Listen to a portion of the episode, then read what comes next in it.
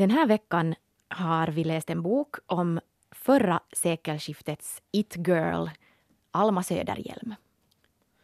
Vi har också läst eh, Virginie de Ponts Vernon Subutex del 1 som handlar om nutida Paris eh, före detta it-boy Vernon Subutex som, som det inte går så bra för nu för tiden. Det här avsnittet heter Fuck you finrummet och jag frågar dig Ida, hör du till finrummet? Hmm. No, jag försöker ju jättemycket knacka på finrummets dörr. Vill man vara i finrummet? Vad tycker du? Jag tänker så här att man vill kanske inte vara där för att jag tänker att luften är lite sådär torr, men man vill nog ha den där dörren att man kan gå in och gå ut där bäst man vill. Ja, man vill ha den där nyckeln. Absolut. Och men vill... helst skulle det ju vara så att finrummet öppnar sina dörrar och du kan vara sådär mm, sorry, jag har en bättre fest.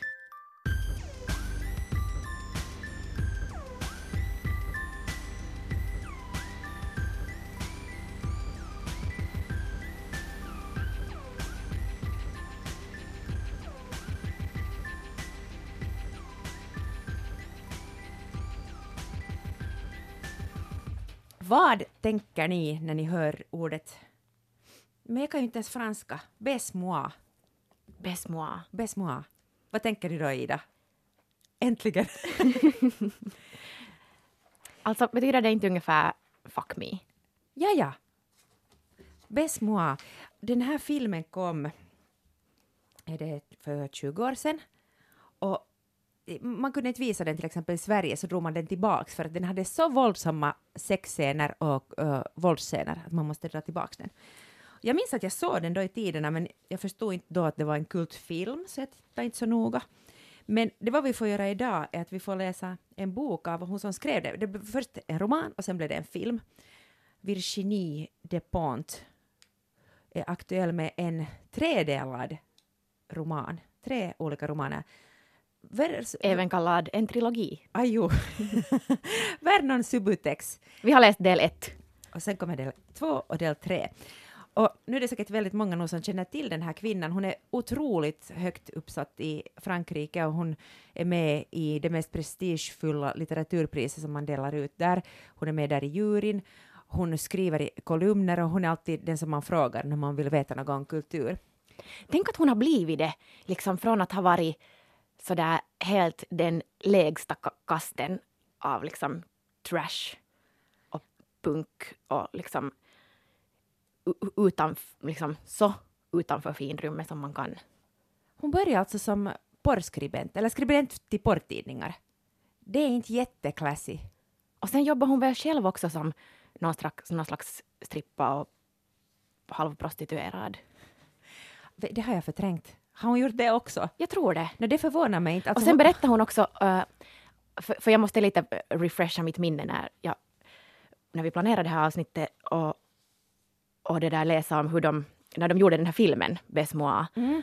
att de var typ själva äh, höga på kokain största delen av produktionen för att det var så jobbigt, de hade så lite pengar. De var hela tiden rädda att blir det nu, vad, vad blir det? Det var så mycket liksom misstänksam, eller så här att folk tyckte att vad är det här för skit? Så hon och den här hennes medregissör drog kokain hela tiden, som alltså var en porrregissör. De här skådisarna var ju porrskådisar, för, de, för det förekommer ju alltså... De visar ju allt. Och, och, det var liksom, folk tyckte att inte kan man göra en film med porrskådisar. Nåja, det var så stressigt så de drog kokain hela tiden. Sen när de skulle visa den här filmen så den blev förbjuden. Motgångar, motgångar, motgångar. Alla tyckte att det var skit. Så de var bara liksom fuckade hela tiden själva för att klara det. Och så har hon ändå kommit in i det finaste finrummet av de finaste finrummet. Den här som vi läser nu idag, så den har ju till och med varit nominerad i Man Booker Prize. De har en, en genre som är för eh, brittisk, så som det alltid har varit, och så nu på senaste åren har de tagit in också översatta romaner. Och det här var en på shortlisten, en av fem. Ja, men jag tänker att man, hon måste ju ändå ha liksom slutat använda droger, för att man kan ju inte skriva så här skarpt om man är liksom helt neddrogad, eller? Ja. Nå, det är inte kanske så intressant. Men faktiskt fantastisk resa har hon gjort och, och, och, väldigt mycket. Hon är född 69. hon har varit oerhört produktiv. Den här Vernon Subutex, så det är en pikaresk. Vad har vi på pikaresk? Vad betyder det? Vad betyder pikaresk? Alltså, det är lite som en eh, Don Quixote till exempel, en pikaresk. Där har vi en huvudperson som reser. Han rör sig fritt i olika samhällsklasser. Han, har, eh, så, han är liksom sådär en trickster. Han är ganska finurlig och han kommer i kontakt med personer som inte vanliga människor kanske skulle komma i kontakt med just i de här olika samhällsklasserna. Och sen är en pikaresk också alltid uppbyggd av episoder, att det är inte en hel roman, no, det här är en roman men den innehåller många, många små berättelser. Och det här är en typisk eh, uh, pikaresk roman. Och ännu, ja, pikareskens största funktion är att vara samhällskritisk. För den här huvudrollspersonen är en sån som har inblick och förmåga att också på något sätt se. Just det, och analysera. Inte alltid analysera, men det, det kan läsaren göra. Men redan det att se, så om inte du har Förmodligen kan han ju analysera, för annars kan inte du se. Det kräver jättemycket kunskap för att ens kunna se eh, eller tolka det du ser. Just det. Och det, det är den ju. Han har ju en sån här, alltså inte bara äh, metaforiskt utan helt konkret en slags utkik, utkikspost över dagens Frankrike eller Paris. Verkligen. Och, och det är liksom en knivskarp satir över det samhället.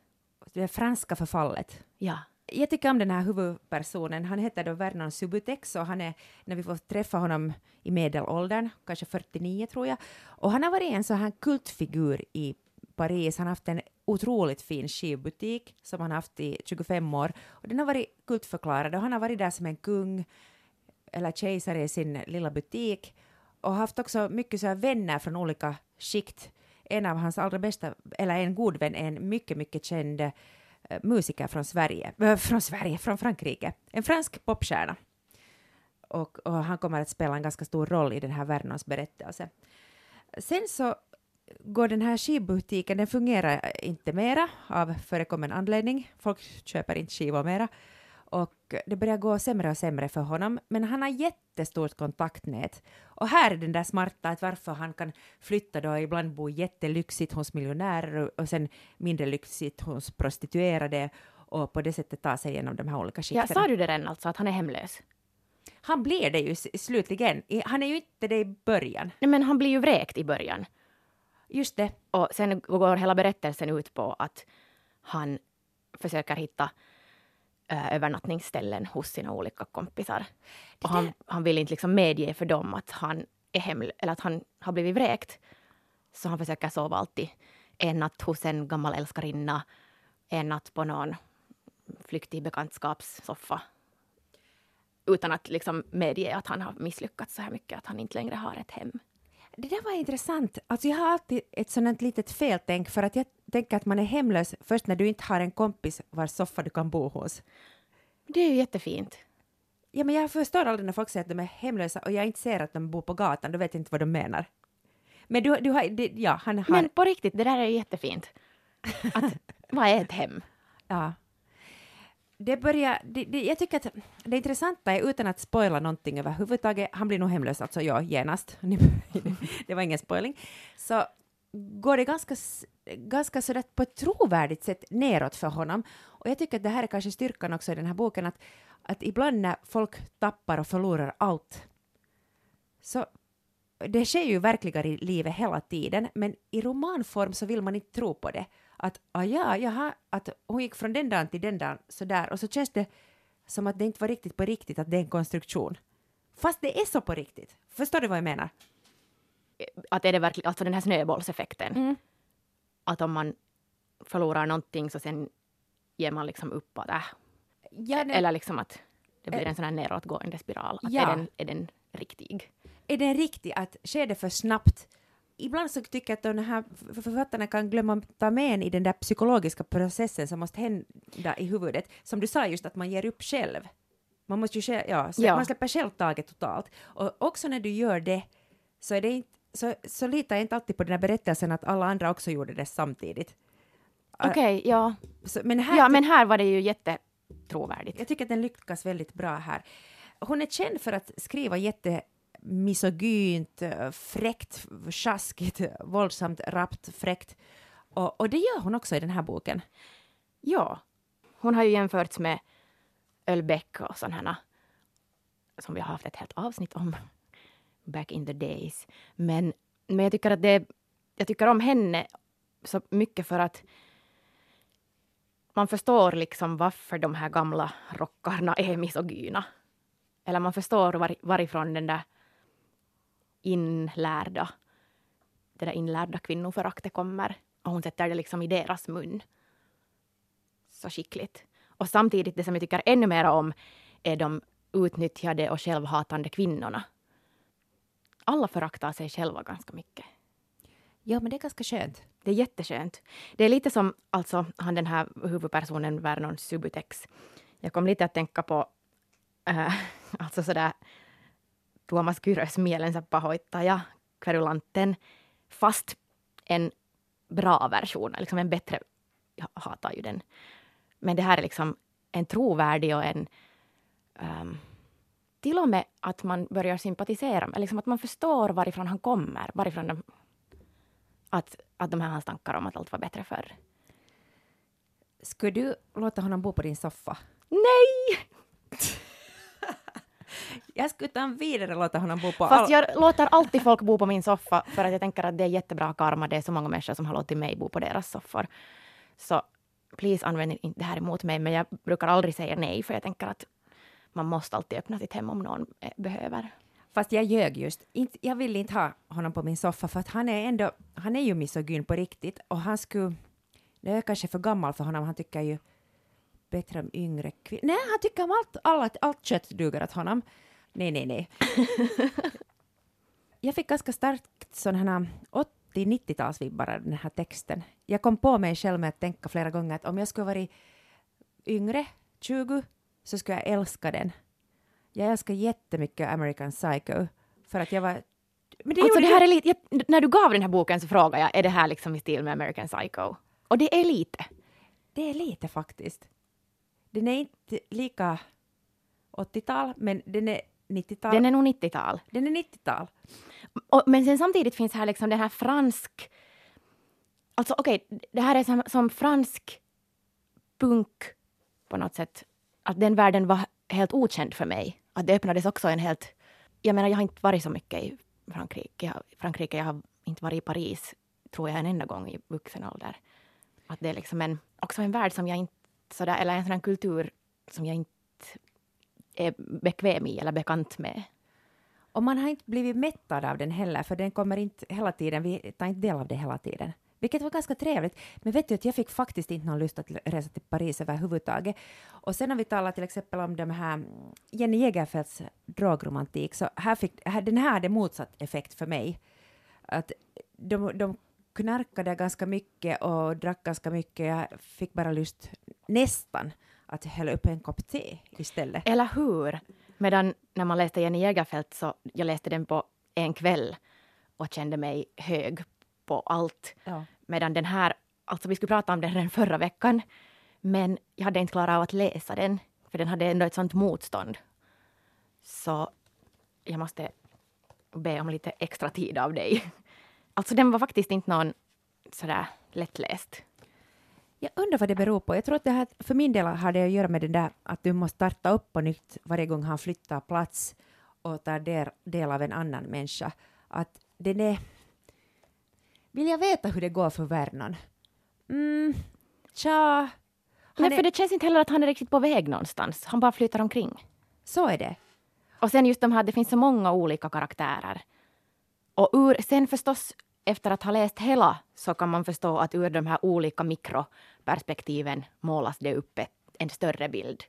Och det är som att man går från det här att ha tittat väldigt noga på små, små detaljer, så zoomas det ut. Och och sen i slutet på något sätt öppnar sig den där vyn. Och det var jättesnyggt det där slutet. Bland de snyggaste sluten jag har läst på länge. Oj, oj, oj. Men hör du, borde det här inte vara en, en film? Absolut. Kanske hellre än en bok. Men vad är det för, så får man inte fråga. Men ni kan med fördel vänta på filmen. Nej, nej, nej, nej. Jag kommer att läsa tvåan och trean också, jag vet inte, men, men det, är, det är tungt, det är inte riktigt nöjesläsning, fast det är ett nöje att läsa den.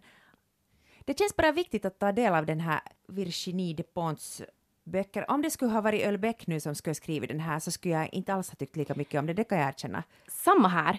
Och jag tror på riktigt att, att det är någonting i det där att, att eftersom det är en kvinna som har skrivit om hur det är att vara en äldre man så känns det intressantare för mig. Och det känns att jag förstår honom bättre. Att det finns ändå på något sätt den kvinnliga... Okej, okay, det här låter jättebiologiskt, men okej. Okay. Alltså den kulturellt kodade kvinnliga analysen ändå. Att jag går med på all den här misogynin för att jag ser liksom hennes... Alltså hon är ju så här radikal feminist. Att jag ser den blicken där under det och då motiverar det allt som händer i den här. Men är inte det här lite fånigt? För att om vi nu spolar tillbaks till avsnitt det och det och det, så har vi sagt att verket har ingenting att göra med upphovsmannen. Vi har velat se det så, så har vi pratat. Mm. Och vi borde ju ha läst den här utan att veta något om henne och framförallt inte veta att hon är radikalfeminist. Det borde vi inte ha vetat. Ja, husk, ja, då skulle jag nog säkert inte ha läst sluten heller. Nej, nej, nej. Men är det inte lite konstigt? Det är jätte, ja. Mm -hmm. Kanske det säger något också om den här boken, att man vill hemskt gärna ha de här berättelserna om och kring, man vill veta om den här författaren. Jag känner mig åtminstone jättegenerös gentemot henne, för jag, jag är liksom så uh, fascinerad, kanske på ett dåligt sätt, av henne som person och hennes konst och just att hon är helt um, gränslös och har gått liksom från det här fula. Nej, men jag har nog en sån här förkärlek mot sån extrem trashighet och kokainrealism. Liksom. Jag tycker om det i kombination med det här otroligt fina. Det här intellektuella, hon är ju extremt eh, beläst. Hon är... Ja, men varför, ja exakt, att sen finns det en, en förväntning att de på något sätt motsäger sig varandra. Mm, just det. Att det här är liksom sådär fuck you finrummet. Och, och, hon, jag... och just därför blir finrummet sådär förförda av det. För att någon inte eh, böjer sig och går på knä inför dem, utan någon visar långfingret. Och då blir det så att finrummet istället jagar henne. Och det värsta är det att hon sitter ju själv inne i finrummet. Ja, nu. Svårt att säga. Hemskt. Jag tyckte ändå att den var väldigt maskulin, den där boken. Det där skrivsättet. Jag skulle kunna tro att det var en man som skrev det, om vi nu fortfarande talar om författaren. Den är nog väldigt brutal i sin kvinnosyn, mm, men också i manssynen som du sa. Men sen tolkar man in som läsare då ganska mycket, kanske bara för att man vet saker runt omkring den här. Men tänk att han ska hålla på ännu två böcker till. Då kommer... Alltså han är ju redan nu på botten, tänkte jag säga. ja, men vad, är han i nästa bok, kan han vara president? Jag, jag, tror att han kommer att gifta sig med någon riktigt absurd typ. Som har jättemycket pengar. Ja. Uh, förresten, den här huvudrollskaraktären påminner ju på sätt och vis om, om nästa huvudrollskaraktär Alma. Va? Alma Söderhjelm. Kanske du inte första parallellen jag skulle dra. Alma Söderhjelm var ju också en sån här människa som reste och tog in sig Okej, okay, ja. i olika rum. Alltså hon var en, en sån här underdog, hon var en kvinna i början på 1900-talet och, skulle, och det fanns inga kvinnor som studerade. Hon, det, hon var, man såg på henne som en kvinna som kunde servera kaffe på sin höjd. Man väntade sig ingenting av henne, hon var också jätteful. Sen så tog hon sig ändå så pass långt från Finland från, till Sverige och blev en, en av de mest intervjuade stjärnorna i svensk veckopress. Och hon Åtminstone enligt sig själv. Ja, inte att förringa. Och, och, och, hon blev kompis med prinsen, kanske också älskarinna, men kanske då bara enligt sig själv. Hon tog sig in i alla rum som hon ville ta sig in och hon, hon passade aldrig riktigt in någonstans heller för att hon var för det första Finlands första kvinnliga professor och väldigt högt akademiskt utbildad. Men så skrev hon också sådana här sladdriga kåserier i tidningen. Mm. Okej, det var en långsökt jämförelse. Jag tar tillbaka den. Nej, no, poäng för bra försök. Tack. Uh, vi har alltså läst Merete Mazzarellas Alma, en roman. Det är alltså en fiktiv roman, men baserar sig i, i stor grad på uh, faktiska händelser ur Alma Söderhjelms liv. Ja, och som du sa, alltså Finlands första kvinnliga professor. Och också bland de första som skrev alltså autofiktion. Före det blev trendigt. Hon var som Karina Rydberg i Den högsta kasten. Hon skrev en bok som, som alla kunde, ah, ja det är han, det är han, det är hon, det är hon. Och hon erkände sen att jag har gjort det här för att jag hämnades. Jag ville hämnas på de här personerna. Okej, i Merete Mazzarellas tolkning åtminstone. Mm. I, I början av den här romanen så sitter hon på badhotellet i Saltsjöbaden som en gammal dam och funderar på att hoppa ner från balkongen och sen börjar hon äh, minnas tillbaka och, och den här hela berättelsen består, består av tillbakablickar äh, på hennes liv och vid det här laget kanske man har lust att somna och det gjorde jag. Jag tycker inte om historiska skildringar. Eller det är jättesvårt att göra det sexigt. Men måste allt vara sexigt? jag älskar den här boken, så du får inte säga något dumt om den. Nej, du får nog, du får nog. Men, men fråga, var inte lite skönt att läsa en bok där det inte hela tiden hö- hölls på med våldssex och spyor och att, att man kunde läsa något stiligt emellanåt? Okej, okay, det är sant. Det var kanske just vad vi behövde. Det som jag tyckte om var det här hur både Alma Söderhjelm och Merete Mazzarella med sin blick på Alma Söderhjelm undersöker förhållanden mellan män och kvinnor. Alltså det bästa jag vet. Och det här är ju nog en djupdykning också i en sån där dynamik, liksom att vad får en kvinna vara i förhållande till män och framför allt liksom i förhållande till sig själv. Hur blir man en individ? det handlar den om. Den känns, alltså fast hon levde då och var verksam i början på 1900-talet och tidigare, så hemskt mycket påminner nog ändå om idag, skulle jag säga. Okej, vi- vi behöver inte söka om dispens från ryska tsaren om, om vi vill doktorera, men hemskt mycket som vi har pratat om i tidigare nyliga avsnitt, att till exempel att ha förhållande med män och, och hon är ju sexuellt väldigt frigjord. Men så finns det passager där, man märker att hon, har, att hon ändå inte har mått så bra av det. Vilket gjorde mig väldigt besviken. Jag skulle inte ha velat haft med dem. Jag skulle vilja ha sett att hon skulle ha haft glädje bara att utnyttja de här männen.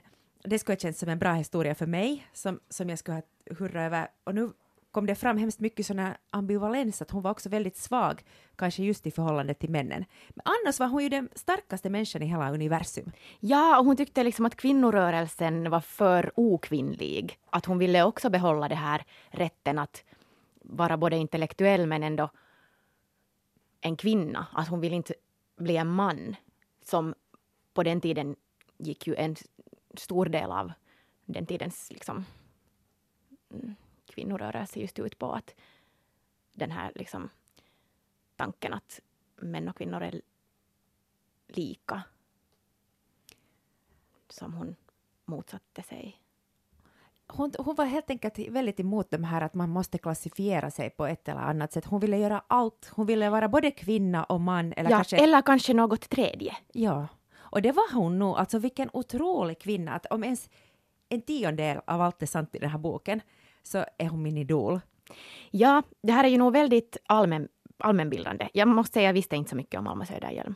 Det här är så att man på något sätt får vara med i den tiden när saker och ting händer. Och det vad jag tycker är bäst om är att det är också hemskt mycket glamoröst som, som är jättetrevligt att ta del av. Hon rörde sig alltså, så här var det, hon åkte till Stockholm när hon var i min ålder, 40 plus. Och då började hon skapa en ny karriär och ett nytt liv och kom in i jetset-livet och blev en sån här it-girl. Fast hon var då 40 plus och, och sen också sä- sägs det hela tiden att hon var jättef jätteful. Och det tyckte hon själv också, men det brydde hon sig inte om. För hon hade så mycket karisma, hon var så bra att hitta på storyn. Märker ni att jag lite vill vara hon? Men alltså hon, och Merete Mazzarella vill ju definitivt vara hon. Merete Mazzarella är också hon! Sant.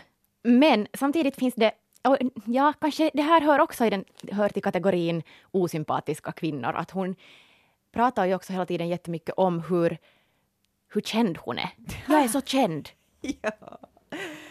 Det är jättejobbigt. Det, det godkände jag nog. Jag tyckte det var härligt för att Och hon måste ju ta plats för att ingen ville ge den åt henne. Alltså verkligen ingen ville se henne.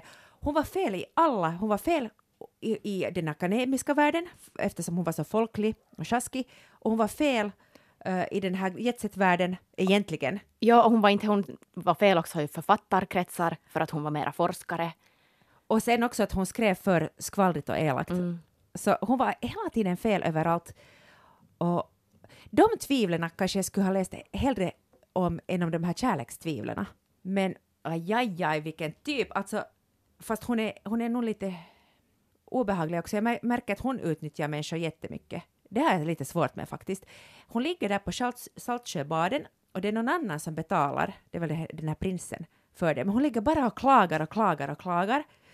Och sen så och klagar hon hela tiden att hon är så fattig och hon är så fattig och hon kommer ju från en jätterik adlig familj. Ja, är hon inte typ adlig? Ja, och sen bara tigger hon och ska ha pengar överallt. Och det är så provocerande för mig, för du är fattig om du inte har någon som kan ge pengar. Vet du, om du på riktigt inte har pengar, det är lite som det här med att vara hemlös. Att om du vet att det kanske finns en möjlighet att du kan be om någon som kan ge pengar åt dig, då är du inte fattig. Ja, eller som dagens sådär kulturarbetare som är fattiga för att de inte vill röra sitt sparkonto. Just Men det. de bor ändå i en, mm, äger ändå sin lägenhet och äh, dricker champagne och köper fyra latten per dag.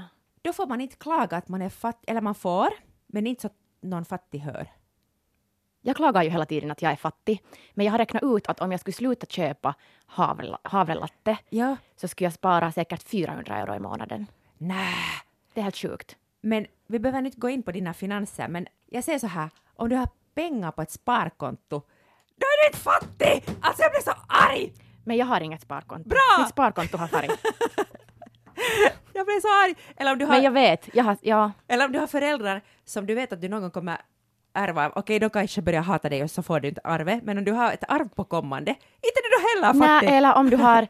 ehm, jag vet inte ens vad det betyder, men alla har nu för tiden några sådana här äh, fonder. Jag vet! Vad fan är det? Men Alltså- jag kan inte, alltså, jag är jättefattig för att jag kan inte röra mina fonder. Vet- No fuck you. Vet du vad, jag fick reda på här nyligen att alla mina fattiga vänner, så de sparar och de har aktier och fonder och allt möjligt. Ja, och sen klagar de att i slutet av månaden har de inte pengar för att de har satt alla sina pengar på sina fonder. Alltså vet du, jag, jag, jag, det, vet du, det bara slår slint i mitt huvud. Jag märker nu att jag blir lite upprörd. I know. Så Alma klagar på det. Mhm. Ja, tillbaks, för det här är en, en bokpodd. Ursäkta. Ännu Merete Mazzarella, så jag, jag tycker att hon skulle vara värd ett fint pris, tycker jag. Men har inte hon fått alla priser som finns? Inte vet jag, hoppas. För att hon har också gjort en fantastisk karriär. Hon har, varit, hon har precis som Alma rört sig både i Finland och Sverige. Hon har en... Hon har, har hon doktorerat i litteratur? Det vet jag inte, men åtminstone undervisat i litteraturvetenskap. Har hon undervisat dig? Jo, jag gick på en kurs. Hurdan var hon? Väldigt tyst. Och jag minns att det var, jag tänkte att hon kanske inte riktigt var född till föreläsare, men efter det, också precis som Alma, så tycker jag att hon har tagit medievärlden med storm och blomma ut och kan börja säga vad som helst. Alltså jag älskar att intervjua henne. Jag tycker att hon är modig och hon skriver också om ganska sådana modiga saker som man inte ska skriva om. Att, ja, alltså väldigt sådana personliga saker som hon har fått mycket dålig feedback för att hon, hon hänger ut andra människor och så här. Uh, fast det tycker jag ju inte om. Varför sa jag det som en bra sak? Ja, jag tycker bara att hon har gjort en, en jättemäktig resa som en kvinna. Jag tror att hennes väg måste ha varit ganska ensam ändå. Jag har svårt, eller jag hoppas att den inte har varit det, men jag har svårt att föreställa mig att det är hemskt få som har gjort liknande saker i svensk Finland, tycker jag. Att hon har faktiskt tagit plats på många olika arenor. Verkligen. Och, med, och just det där som du sa, att, att vara en på ett sätt lite sådär late bloomer. Eller hon, hon har ju varit ett geni sen födsel säkert. Men att liksom ens liv och karriär kan ta nya riktningar också när man är 50. Eller att- 60. Eller 60. Och, liksom att då, och att intellektet bara skärps och skärps och skärps. Oj, och att du på något sätt blir liksom ditt fulla potential först liksom efter att ha levt. Eller på något sätt att, att det blir bara farten bara ökar, vet du. Vet du, jag får såna kalla kårar av välbehag när du sa sådär. För att jag tänker hela tiden att, oj, att mitt intellekt hade jag kanske någon gång när jag var 20, nu är det bara en, en dimma kvar. Men det behöver inte vara så. Nej, tvärtom. Tvärtom. Man Att man samlar ju hela tiden på sig. Att sen hu- men det som hon, Mazzarella, liksom har klarat av att sen rikta all den erfarenhet och kunskap man har och på något sätt också nå ut med den. Att hur, hur ska man göra det? Liksom att, hur ska man förvalta all den mm, både kunskap men också, liksom, också trauman och också all, liksom alla erfarenheter, emotionella och att, att hur ska du liksom rikta det på något sätt så att det blir till någonting bra? göra någonting av ja. det. Mm. Jag kom alltid nu och då att tänka på Sanna Tahvanainen som har skrivit om Englands drottning, Bär den som en krona och sen den här Coco Chanel-boken, Mm. Lilla svarta heter den. Att där finns någonting såna litet, litet släktskap och det är det att man tar an sig en leva, liksom riktig person och sen så fabulerar man kring känslorna för det där fritt, ganska fritt. Jag tror att Merete gör det i mycket mindre grad, men att man, de skriver kanske sådär mera intuitivt att hur de tänker att det var och jag tycker att det är ganska modigt. Faktiskt. Sen så måste jag säga att, att när jag har läst den här Merete Mazzarellas bok om Alma Söderhjelm så vet jag ingenting om Alma Söderhjelm inuti. För tänk, jag tänkte så här själv att okej, hon skrev fem eh, memoarer, fem stycken biografier. Men hur mycket man Alltså ändå... självbiografier. Självbiografier. Tänk fem stycken, det är också ganska storhetsvansinne. Ja. Alltså det är ju förryckt.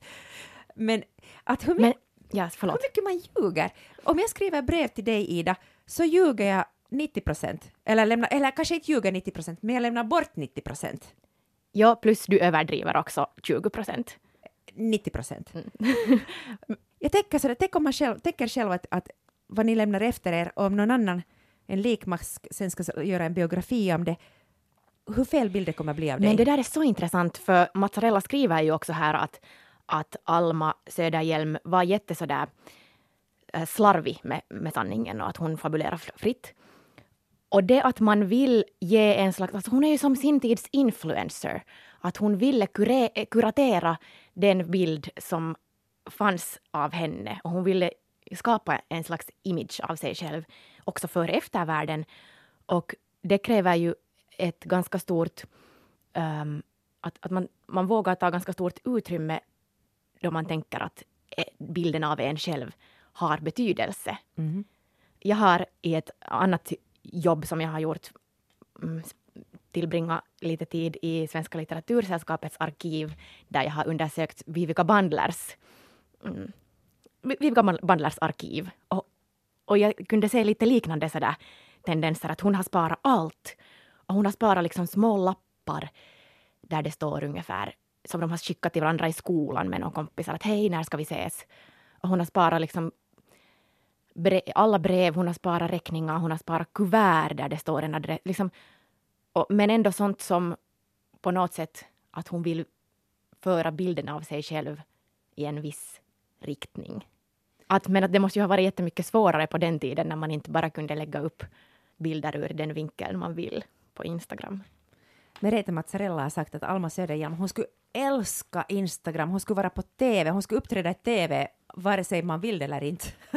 och att hon, skulle, hon, hon var den tidens it-girl. Ida, jag No, det var ganska utmattande vecka måste jag säga. utmattande läsningar Mm. och, och ganska ja, olika böcker faktiskt. Helt olika. Fast jag försökte låtsas tidigare att det inte var så. Men nästa vecka så har vi tänkt att vi ska ta oss an Rachel Cusk. Vi har två olika böcker av henne. Det, det blir också en trilogi, var det så det hette? Eh, Rachel Cusk, jag tror att, att vi tar dem nästa vecka, eller hur? Och det får räcka med det. Så ni hinner också gå nu och, och samla på de här böckerna och lite läsa ifall ni vill vara med nästa vecka. Just det. Och den här podden utkommer ju alltid på söndagar på Yle Arenan och på andra ställen där poddar finns. Jag heter Ida Henriksson, du heter Anne Hietanen vår producent heter Sebastian Bergholm. Den här jingeln är gjord av Henrik Heselius och våra foton är det Björn Karlsson som har tagit.